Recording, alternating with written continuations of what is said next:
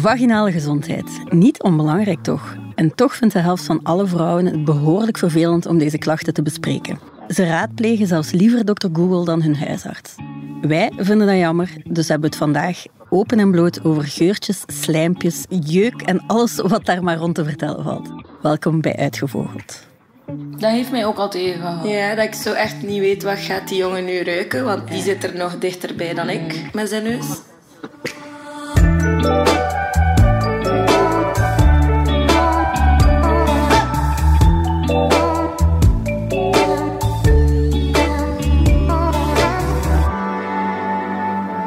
Het vandaag dus hebben over eh, de vagina en eh, meer bepaald een gezonde eh, vagina en alles wat daar dan af en toe mee mis kan zijn.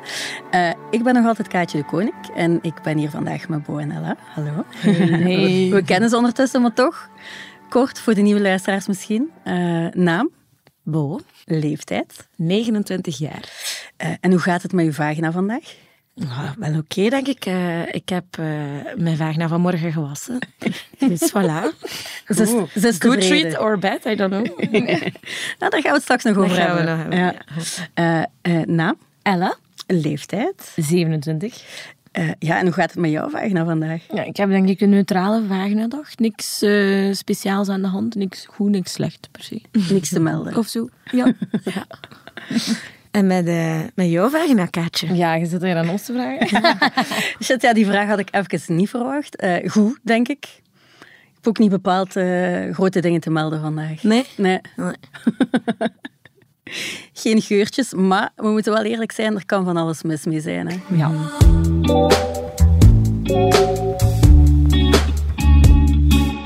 Misschien moeten we wel eens beginnen eh, met wat er allemaal mis kan zijn met die vagina's. Hebben wij zo wat gênante verhalen van vroeger die we kunnen delen?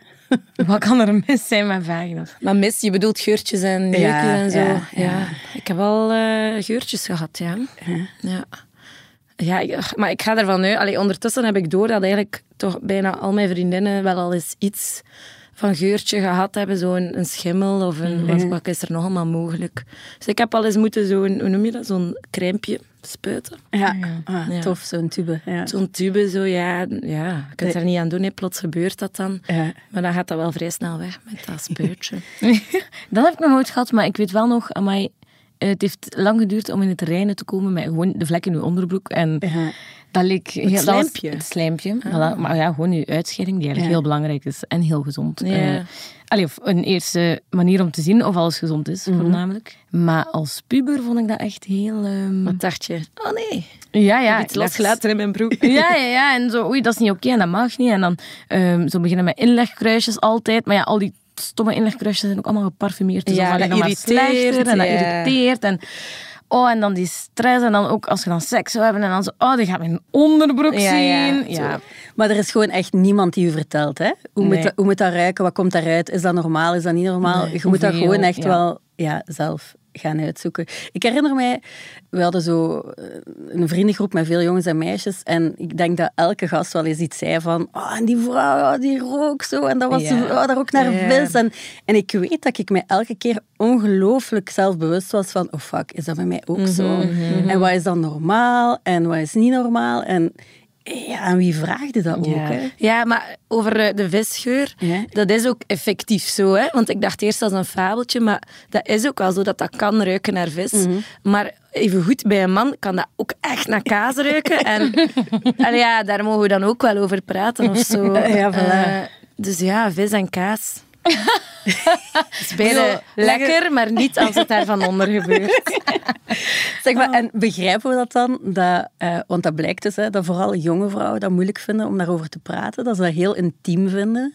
Vaginale gezondheid, ja, het is zo eh, een beetje een kutterm, sorry voor eh, het woord. Maar, toepasselijk. Mooi.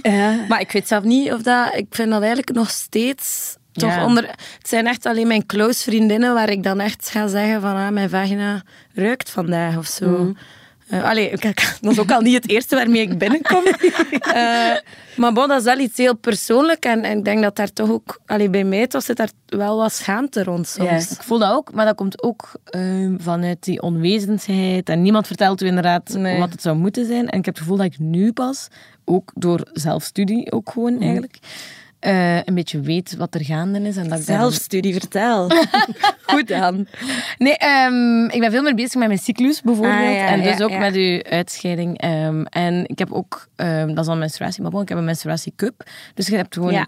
Je zit veel fysieker Ja. ehm, verbonden met uw vagina. Ja, dat is echt waar. De Ja. cup helpt wel om Voilà. zo wat meer mee te zijn met wat gebeurt er hier nu eigenlijk. Ja. Ja, en toen besefte Je ik ook het. plots, ik ken mijn lijf totaal niet. Totaal niet. Ik had één keer voor, dat ik zo, dus ik bracht mijn cup in en ik voel zoiets en ik denk, kanker. Allee, ja, hè, ik ga dood. Ehm, heel lang over gestrest. En dan, uiteindelijk- dus, en dan begon mijn zelfstudie. Ehm, bleek dat gewoon mijn baarmoederhals te zijn die lager ligt eh, op een bepaald punt in je cyclus. En dan kun je die voelen als je Oh je cup dat wist ik ook niet. Ah, voilà, dat verplaatst. Dus uw baarmoeder verplaatst in uw ziek tijdens Ja, die cyclus. ehm, verplaatst en verlengt bijvoorbeeld een beetje. Dus Ah, als, u, als je uw baarmoeder kunt voelen, of uw baarmoederhals, is de afstand van de baarmoederhals naar uw vruchtbare eitje of eileider is veel langer en zijn eigenlijk niet vruchtbaar op dat moment. Maar cool. Ja. Ja. ik zit net te denken, weet je, mijn huisarts dat was zo'n oudere man. Ja, dat ga je niet gaan vragen hè, van ik steek hier iets in en ik voel iets en wat is dat? Ja, Dus ik kan me dat wel echt perfect voorstellen, dat mensen zoiets hebben van ik google het wel, Ja. in plaats van dat ik het aan mijn dokter Ja. vraag. Ja, maar dan ja. zit het dus in je kop met het feit dat je kanker hebt. En Ja.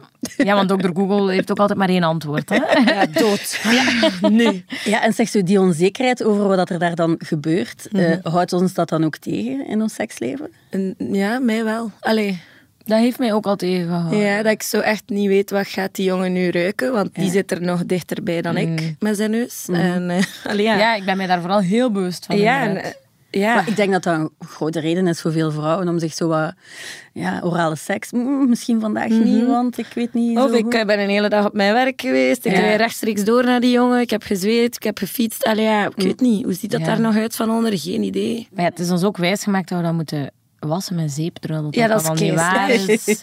Allee, ja. Maar zelf met water is niet goed. Ik kom straks nog uitgebreid aan Oh, bod. daarop terug. Dus de angst dat onze bedpartner eh, bij orale seks gillend wegrent eh, omdat we te veel bier hebben gedronken of te veel look hebben gegeten. Oh ja. Eh, het komt wel ergens vandaan, denk ik. We kennen het misschien ook wel allemaal. Maar ik ben ook eens gaan, gaan horen bij Rika Ponet of dat zij dat ook regelmatig hoort in haar praktijk. Dat mensen daar zich zorgen over maken.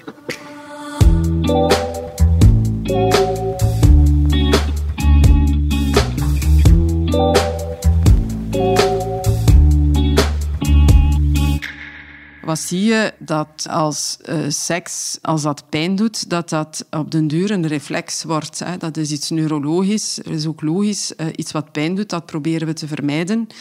Vermijding, dat is een vorm van stress die je opbouwt in je lichaam. Op den duur programmeer je hersenen. Van zodra ik daar aangeraakt word, ehm, ontstaat eigenlijk bijna een automatische reflex. Dat, daar doet het pijn, waardoor dat, dat lichaam zich sluit. Hè, en waardoor dat telkens je vrijt, dat is zoals vaginisme dan ook deels ontstaat, telkens je vrijt, ervaar je pijn. Wat doet men dan vaak? Men gebruikt dan glijmiddel of zo, maar eigenlijk is uw lichaam op dat moment niet ontvankelijk om te vrijen of om eh, penetratie toe te laten. En ook daarover is er nog wel vrij veel onwetendheid. Je hebt eh, behoorlijk wat vrouwen die bijvoorbeeld een heel gevoelige huid hebben, eh, die van zichzelf denken, ik, eh, weet je, ik heb een probleem met mijn libido, is niet oké en eh, ik ben niet zo erg into seks en voor mij hoeft het niet. En dan zie je soms dat dat vrouwen zijn met wat men dan noemt een atopische huid, die wat eczematisch is. Of ook daar kan je dat hebben. En dat is bij nogal wat vrouwen van toepassing. Dat het schuren dan pijn... Dat, echt, ja, die ja. huid staat tuiner en vooral er is een afwezigheid van vet. Want vaak wordt er gedacht, hè, glijmiddel is de oplossing. Als je een atopische huid hebt, elke aanraking met water zorgt ervoor dat je, je huid gedeshydrateerd geraakt. En je kan je wel voorstellen als daar een wondje zit en eh, je bent intensief eh, met penetratie bezig, dat dat een, een almaar grotere irritatie wordt. En... ehm, de volgende keer dat je vrijt, heb je er al schrik voor. En als zich dat zo verder zet, eh, op den duur eh, lukt het ook bijna niet meer. En eh, moet je massa's glijmiddel gebruiken en blijf je het toch zeer onaangenaam vinden en ga je het gaan vermijden. En uh, wat we dan, of wat dan in sekstherapie of uh, individueel heel vaak wordt geadviseerd, is in eerste instantie, als dat binnen een relatie is, stoppen met uh, penetratie. Hè. Dit, dit, moet eerst opgelost geraken, dus dat moet tijd krijgen om te genezen. Een vrouw krijgt dan ook vaak het advies van daar toch veel vettiger te maken. Hè. Daar zijn crèmes voor die ervoor zorgen dat die huid zich daar kan herstellen. Probeer daar ook alert voor te zijn, hè, dat dat bij jou iets is wat kan terugkeren. En, uh, en dan uh, vooral, het is altijd opnieuw ook weer een, iemand die pijn heeft bij het vrijen, de regie teruggeven aan, over het lichaam. want dat is ook vaak het gevoel, ik moet dit ondergaan. Um, want mijn partner wil seks, ik wil ook dat, dat wij seks hebben. Dus ik, ik moet dit uitzitten, ik moet dit ondergaan. Vandaag, jonge artsen weten dit allemaal, maar oudere huisartsen of gynaecologen waren daar ook niet altijd zich zo bewust van dat bijvoorbeeld ook het type huid al een uh, enorme impact kan hebben op je vulvagezondheid. Dus uh, ja, er wordt altijd gedacht aan, ja, ik moet vochtig genoeg zijn, uh, anders lukt het niet om mm. te mhm. penetreren, maar je moet, het moet ook vettig genoeg zijn. En dat klinkt nu heel vettig, maar nogmaals, dat, is, mm. dat mhm. gaat over die beschermfilter die, die we allemaal op onze huid hebben zitten en die superbelangrijk is om, um, om geen wondjes te krijgen, hè, om, ja, om die huid gezond te houden. Ja. Ik vind dat eigenlijk wel erg, want dat, allee, dan kan het dat je al tien jaar denkt van ik kan niet, hè, penetratie kan niet, dat je jezelf over... Allee, ik heb een psychologisch probleem, of, of heel vaak gaat tot al, seks. Of, ja, en, heel vaak gaat het al die richting uit. Hè. Men ervaart zichzelf dan als, ja, uh, ik heb een seksueel probleem, seks wordt stress, je wordt daar heel ongelukkig van, dat heeft uiteraard ook impact op je relatiekwaliteit en tevredenheid, hoe je partner naar u kijkt, hoe dat je naar jezelf kijkt, hoe dat je naar je eigen lichaam kijkt. En het kan gewoon te maken hebben met het feit, ja, ik heb een atopische huid. Ja.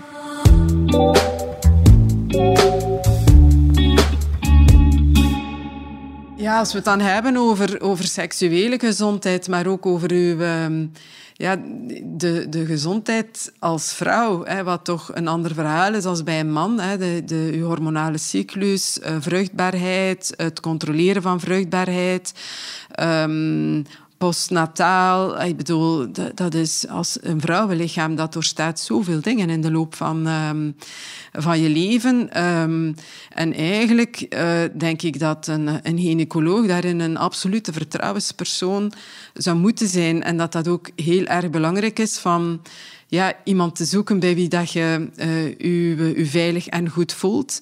En um, uw tijd daar ook te nemen. Hè. Uw plaats in te nemen en uw tijd te nemen. En u ook voor te bereiden op een gynaecologisch onderzoek. Denk goed na van wat wil ik vragen. Ja, dat zijn uiteindelijk een eerste hele belangrijke... Uh, figuur in, uh, in de loop van je vrouw zijn in je, in, je leven. Ik vind dat...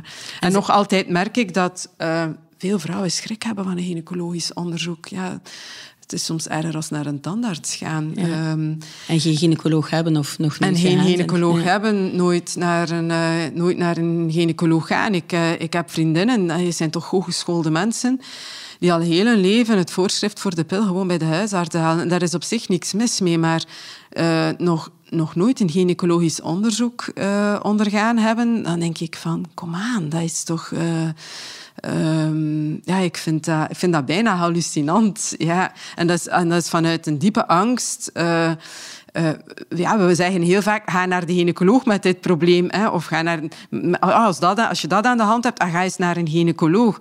Maar de eerste vraag die we ons moeten stellen, ben je al naar een gynaecoloog geweest? En als je daar nog niet naartoe bent geweest, waarom ben je daar nog niet naartoe geweest? Hè? Wat jaagt jou zoveel angst aan? Het normaliseren van het bezoek aan een gynaecoloog. Uh, zeker vandaag, die gaan er alles aan doen om je geen pijn te doen. Ik vind dat ook een enorme opdracht voor vrouwen naar dochters toe. Mijn moeder heeft dat in der tijd nu wel echt heel goed gedaan. Ik heb dat op heel jonge leeftijd eigenlijk al ondergaan. En de allereerste keer, dat is natuurlijk niet de aangenaamste ervaring. Want als dat dan zeker is, alvorens je al ooit een seksueel contact hebt gehad, is dat de eerste persoon die ook bij u binnenkijkt, om het zo maar te stellen. Um, dat, is een, dat is toch wel een best stresserend moment. Maar maak daar iets moois van. Ik vind, uh, het is bijna zoals een eerste keer, vind ik ook een eerste bezoek aan de gynaecoloog. Puur vanuit seksuele educatie, een superbelangrijk bezoek. Maak daar iets speciaals van. Neem daar tijd voor. Ja. Als dat dan gebeurd is, dat onderzoek, neem dan nadien ook de tijd om het over die ervaring te hebben. Wat heeft dat nu met jou gedaan? Hoe heb je je daarbij gevoeld? Uh, ga iets eten, ga iets drinken. um, ja, zorg ervoor dat er een sfeer is waarin dat er dan ook over die ervaring kan gepraat worden, met alle kwetsbaarheden die daarbij um, bij komen. En uh, dan denk ik dat je je dochter in een modus gezet hebt die maakt dat ze in staat is om op elk moment in haar leven, uh, op het moment dat het ook nodig is, gewoon spontaan de telefoon te nemen en een afspraak te maken of online een afspraak te boeken bij haar gynaecoloog. Superbelangrijk, ja. Thank you. Wij kunnen hier nu wel uh, ja, zitten, uh, zitten babbelen over uh, onze eigen vagina's en hoe gezond dat die zijn. wij, wij kunnen... Iedereen is super geïnteresseerd in onze vagina's. weet ik niet. Maar vooral, het is vooral moeilijk om dat natuurlijk open te trekken. En dat is het coole eraan. Er is wel een Vlaams onderzoek gebeurd. Isala heet dat. Dat is een onderzoek aan de Universiteit Antwerpen. En die zijn echt op zoek gegaan naar hoe gezond is de Vlaamse vagina. Dat was echt het uitgangspunt van dat onderzoek. Cool. Ja, Zalig. Ja. Mega cool, hè? En wat dan nog cooler is, dachten in het begin, want ik ben natuurlijk gaan praten met de prof uh, die mm -hmm. dat gedaan heeft. Zij dachten in het begin van, wij gaan hier nooit mensen vinden die staaltjes willen opsturen. Ja. Want dan moest je ze zelf doen. Hè. Mm -hmm. Een eigen stokje, uh, een keer swap en dat opsturen. Ze hebben meer, op een paar dagen tijd, meer dan 6000 staaltjes binnen gehad. Ja. Oh, ze, crazy. Ja, en ze dachten op voorhand van, ja, we gaan, als we er 200 hebben, is dat veel. maar kijk, toont toch wel dat de Vlaamse vrouw... 6000. Ja, er, ermee bezig is. Ermee bezig is, ja. ja voilà. Ik herinner me dat ook nog. Ja? Ik heb, ik, ik ging heb mee... staaltje ja, maar ja, ik ging meedoen en dan was ik weer mijn klassieke uitstelgedrag zelf. uh, dus die envelop ligt nog bij mij thuis. Kijk, anders waren het er 6001 geweest. Echt, ze zat mijn vagina daartussen. Ze hadden nee. het ook niet nodig, gelukkig. Nee, voilà, gelukkig. Ja. Maar ik weet wel nog, die oproep kwam er. En dat kwam binnen bij mij en bij mijn vriendinnen. Wij allemaal zo van, wow, dit is nog nooit gebeurd. Ze hebben het nog nooit onderzocht. Mm -hmm. Dit is ons moment. Ja. En ik vind dat, ja, je ziet het in de cijfers, dat is toch... Ja, voilà. En blijkbaar ook uh, heel veel zo uh, grootmoeder, moeder, dochter, zus, echt zo he hele geslachten van vrouwen. Ja, die, cool. die dat, ja, dus dat vonden ze ook heel tof. Naast um, elkaar of dat? Nee. High five. Familiefeest. Ja, nee, maar ja, je kunt dan zeggen van hè, wij Vlamingen zijn preuts of we, yeah. we, spreken daar niet graag over. Maar ja, dan blijkbaar toch, hè, als het ons ja. gevraagd wordt, doe het dan toch maar. Voor onderzoek zijn we wel zo. dan zijn, als het rationeel is, kan het. voilà, dan zijn we er wel. Ja. Uh, maar kijk, ik ben dus gaan praten uh, met professor Sarah Libeer, heet zij. Um, dat is ook een van de weinige vrouwelijke proffen in de microbiologie. Dus dat vond ik ook al cool. Maar ja. um, en zij heeft die studie opgezet uh, rond vaginale gezondheid en hoe de taboes daar rond te doorbreken. Uh, en Isala heet dat project. En dat is genoemd naar Isala van Diest, uh, de eerste vrouwelijke arts in België. Wat ook alweer cool is. dus het is eigenlijk gewoon een ongelooflijk... cool. ja. Oh, graven grieten overal. Een ongelooflijk feministisch project of zo. Of dat maken wij er dan toch van. Ik weet dan niet of dat, dat zo is in hun hoofd. maar ik ben met haar gaan praten en dit had ze te zeggen.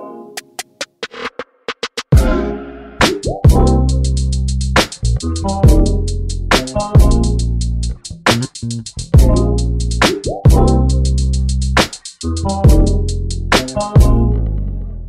dikke tien jaar geleden heb ik hier in Antwerpen de kans gekregen om een, een eigen groep op te starten, een eigen onderzoekslijn. Het eerste deel was een, een, grote vragenlijst rond vaginale gezondheid, algemene gezondheid, um, maar ook seksuele levensstijl. Allerlei vragen waarvan wij op voorhand dachten die hebben mogelijk een effect op, um, op vaginale gezondheid en zeker ook de vaginale micro-organismen.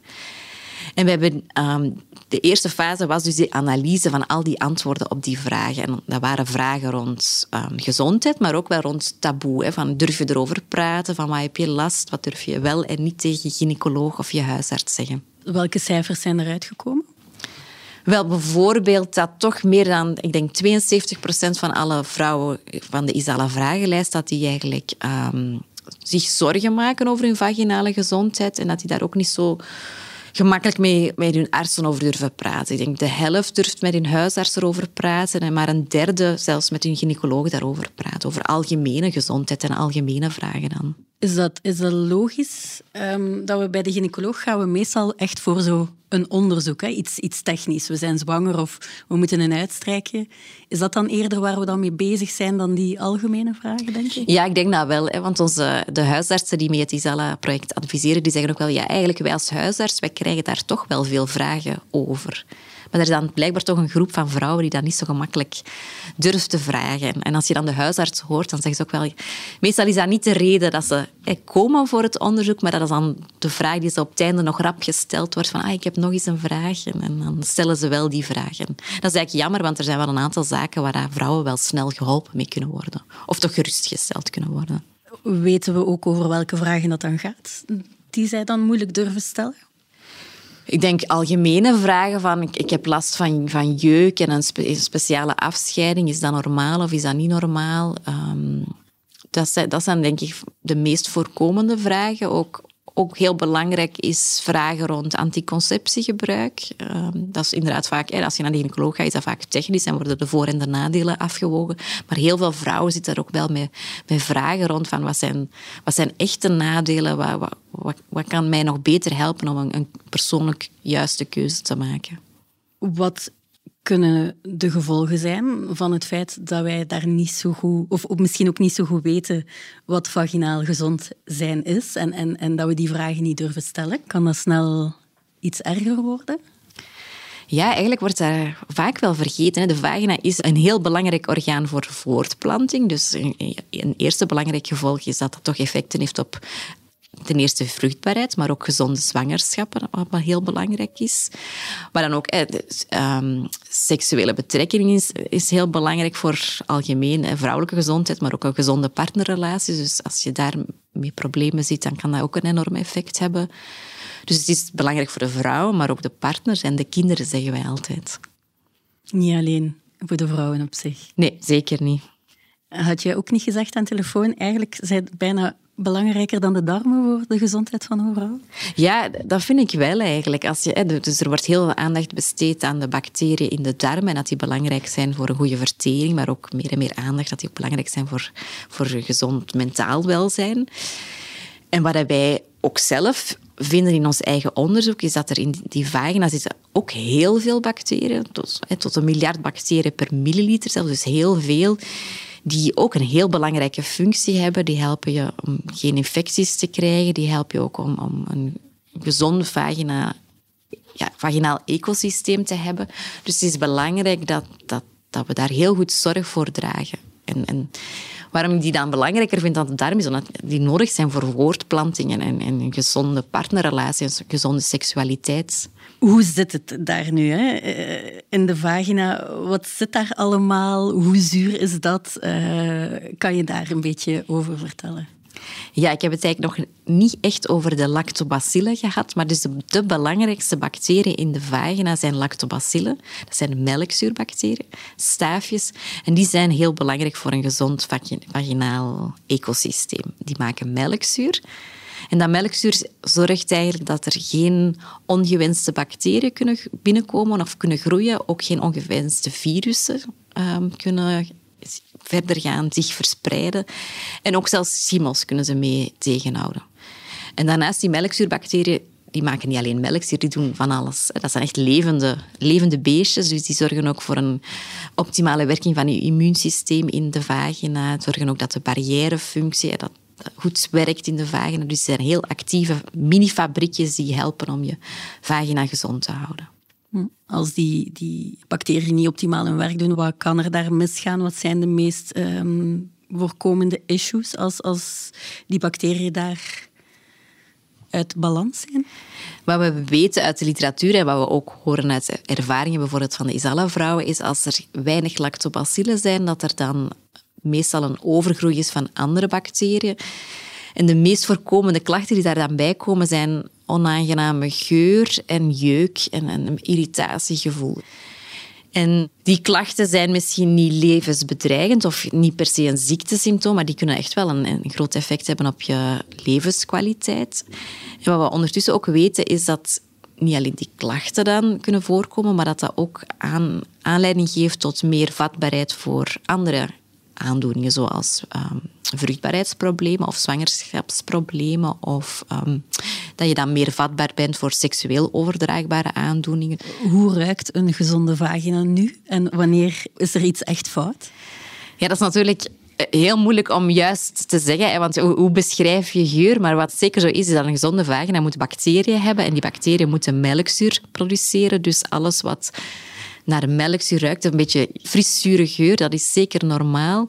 Wat we ook weten is dat um, visachtige geur, maar echt, dus echt een, een amine-achtige geur of een ammoniakachtige geur, dat dat vaak wel wijst op, ehm, op problemen. Want dat wordt ook gelinkt aan die Gardnerella of die ongewenste bacteriën.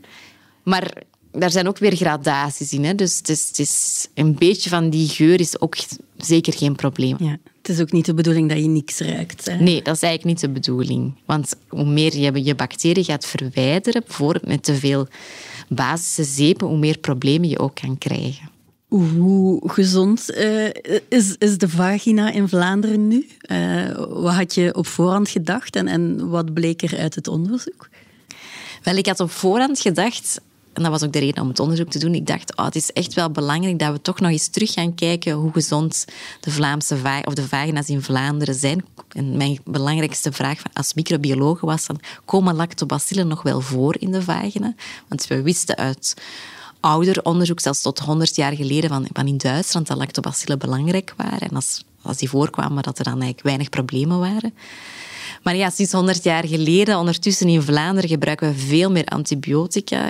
We eten ook veel sterieler, dus we, komen veel minder in contact met lactobacillen uit voeding bijvoorbeeld. Uh, we, we, hebben een toegenomen handhygiëne. Dus ik dacht, ja, komen ze nog wel genoeg voor?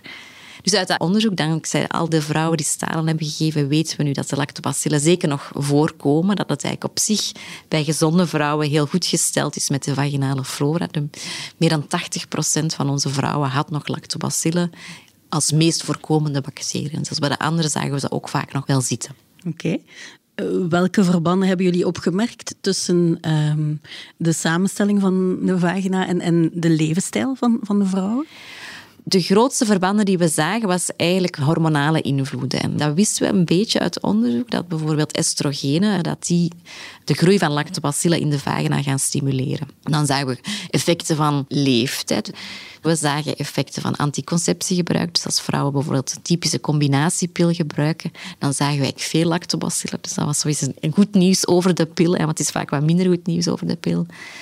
En dan zagen we ook wel dat als vrouwen kinderen hebben gehad, dat we dan iets minder lactobacillen zagen. Dat was, dat was verrassend, want dat hadden we niet direct verwacht. Ze geven ze misschien mee, hè?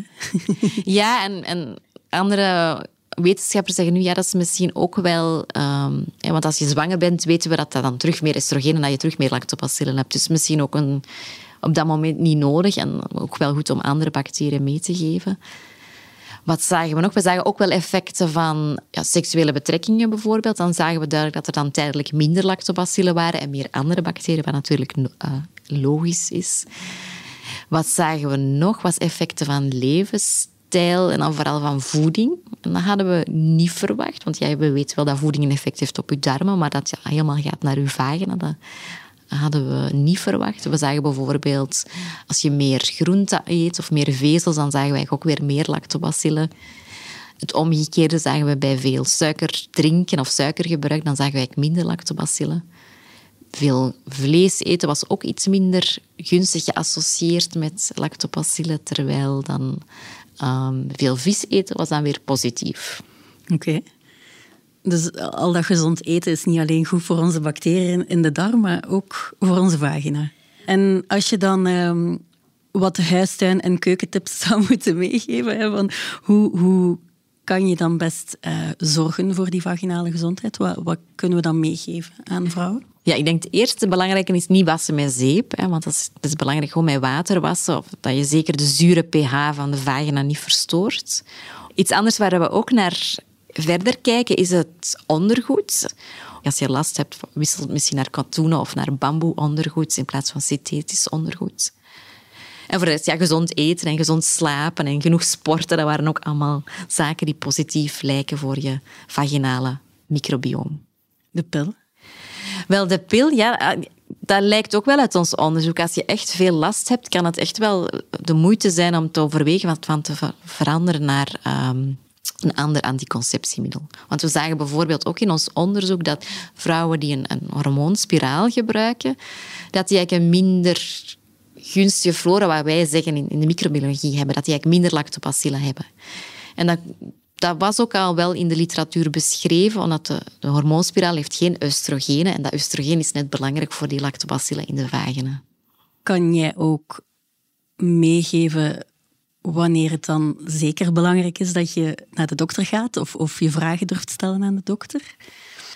Wanneer het zeker belangrijk is om naar de dokter te gaan, is als je pijn hebt, als je roodheid hebt, als je een, een etterachtige afscheiding hebt. En bijvoorbeeld witverlies is heel normaal, dus daar moet je zeker niet mee naar de dokter gaan. Maar als je echt ja, pijn en irritatie en een, een, een lange onaangename geur hebt, dan is het zeker een goed idee om naar de dokter te gaan.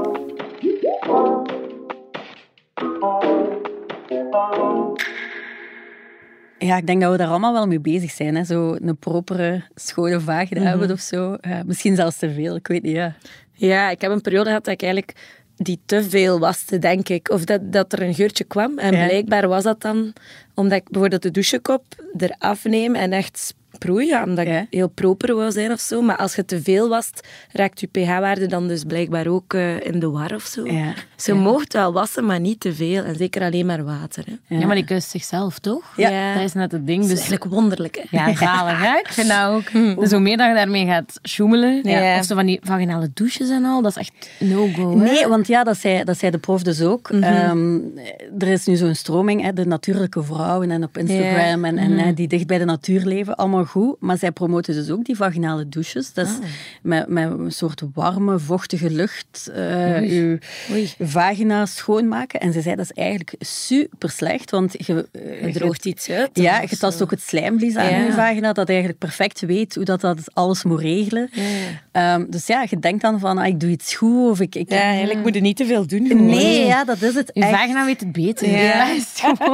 maar ja, ik snap ook, ze maken het u wijs. Hè. Er bestaan vaginale zeepjes en zo. Dus als je niet beter weet of zo, wat ook lang was bij mij, dan doen je dat ook gewoon. Ja, vanuit, ja, vanuit angst hè, of vanuit die ene reactie die je ooit gehoord hebt van voilà. ja. oei, het ruikt toch? Oh, ja, shit. En vanuit het niet durven vragen aan, uh, aan, de, aan de, huisdokter, is dit slijmpje mhm. normaal? Ja, en zoals ik al, die inlegkruisjes met parfum, allee, dat insinueert ook van, je mag niet stinken. Ja, ja, voilà. Je mag, wat, stinken, je mag niet ruiken. Mag niet ruiken. Je mag niet ruiken. Of het moet naar bloemen ruiken. Voilà. Vooral dan. Allee. Terwijl, we weten misschien niet hoe het dan moet ruiken, maar het ruikt alleszins niet naar bloemetjes. Het haalt het dan gewoon uit je kop of zo. Nee, inderdaad.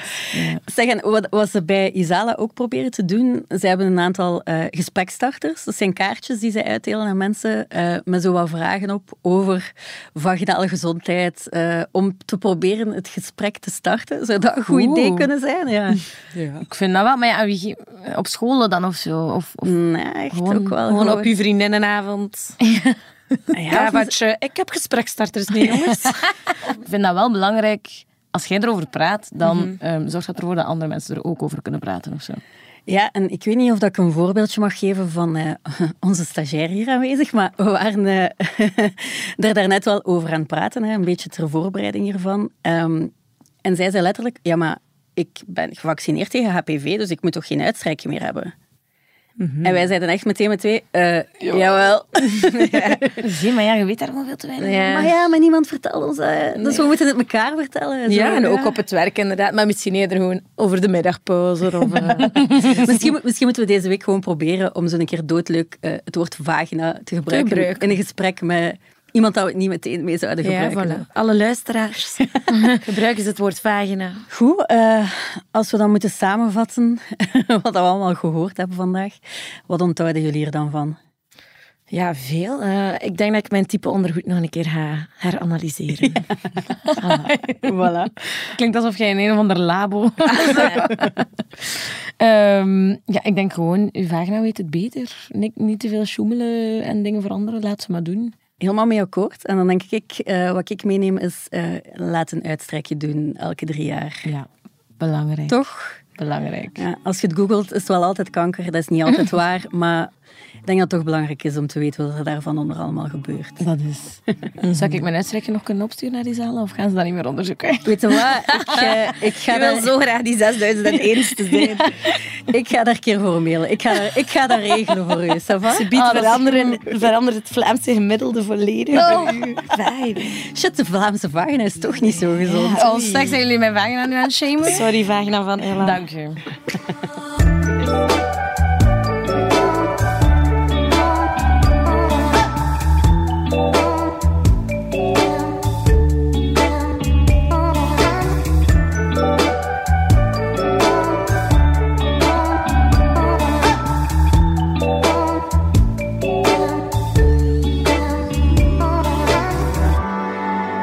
Uitgevogeld is een podcast van het Nieuwsblad, bedacht en gemaakt door mezelf, Kaatje de Koning. Montage is gebeurd door Benjamin Hertogs van House of Media. Eindredactie gebeurde door Bert Heijvaart en Siege van Gelder. En vooral ook een dikke shout-out to my girls, Bo, Elle en Eileen. Merci om hier te zijn. We hebben het toch maar gedaan.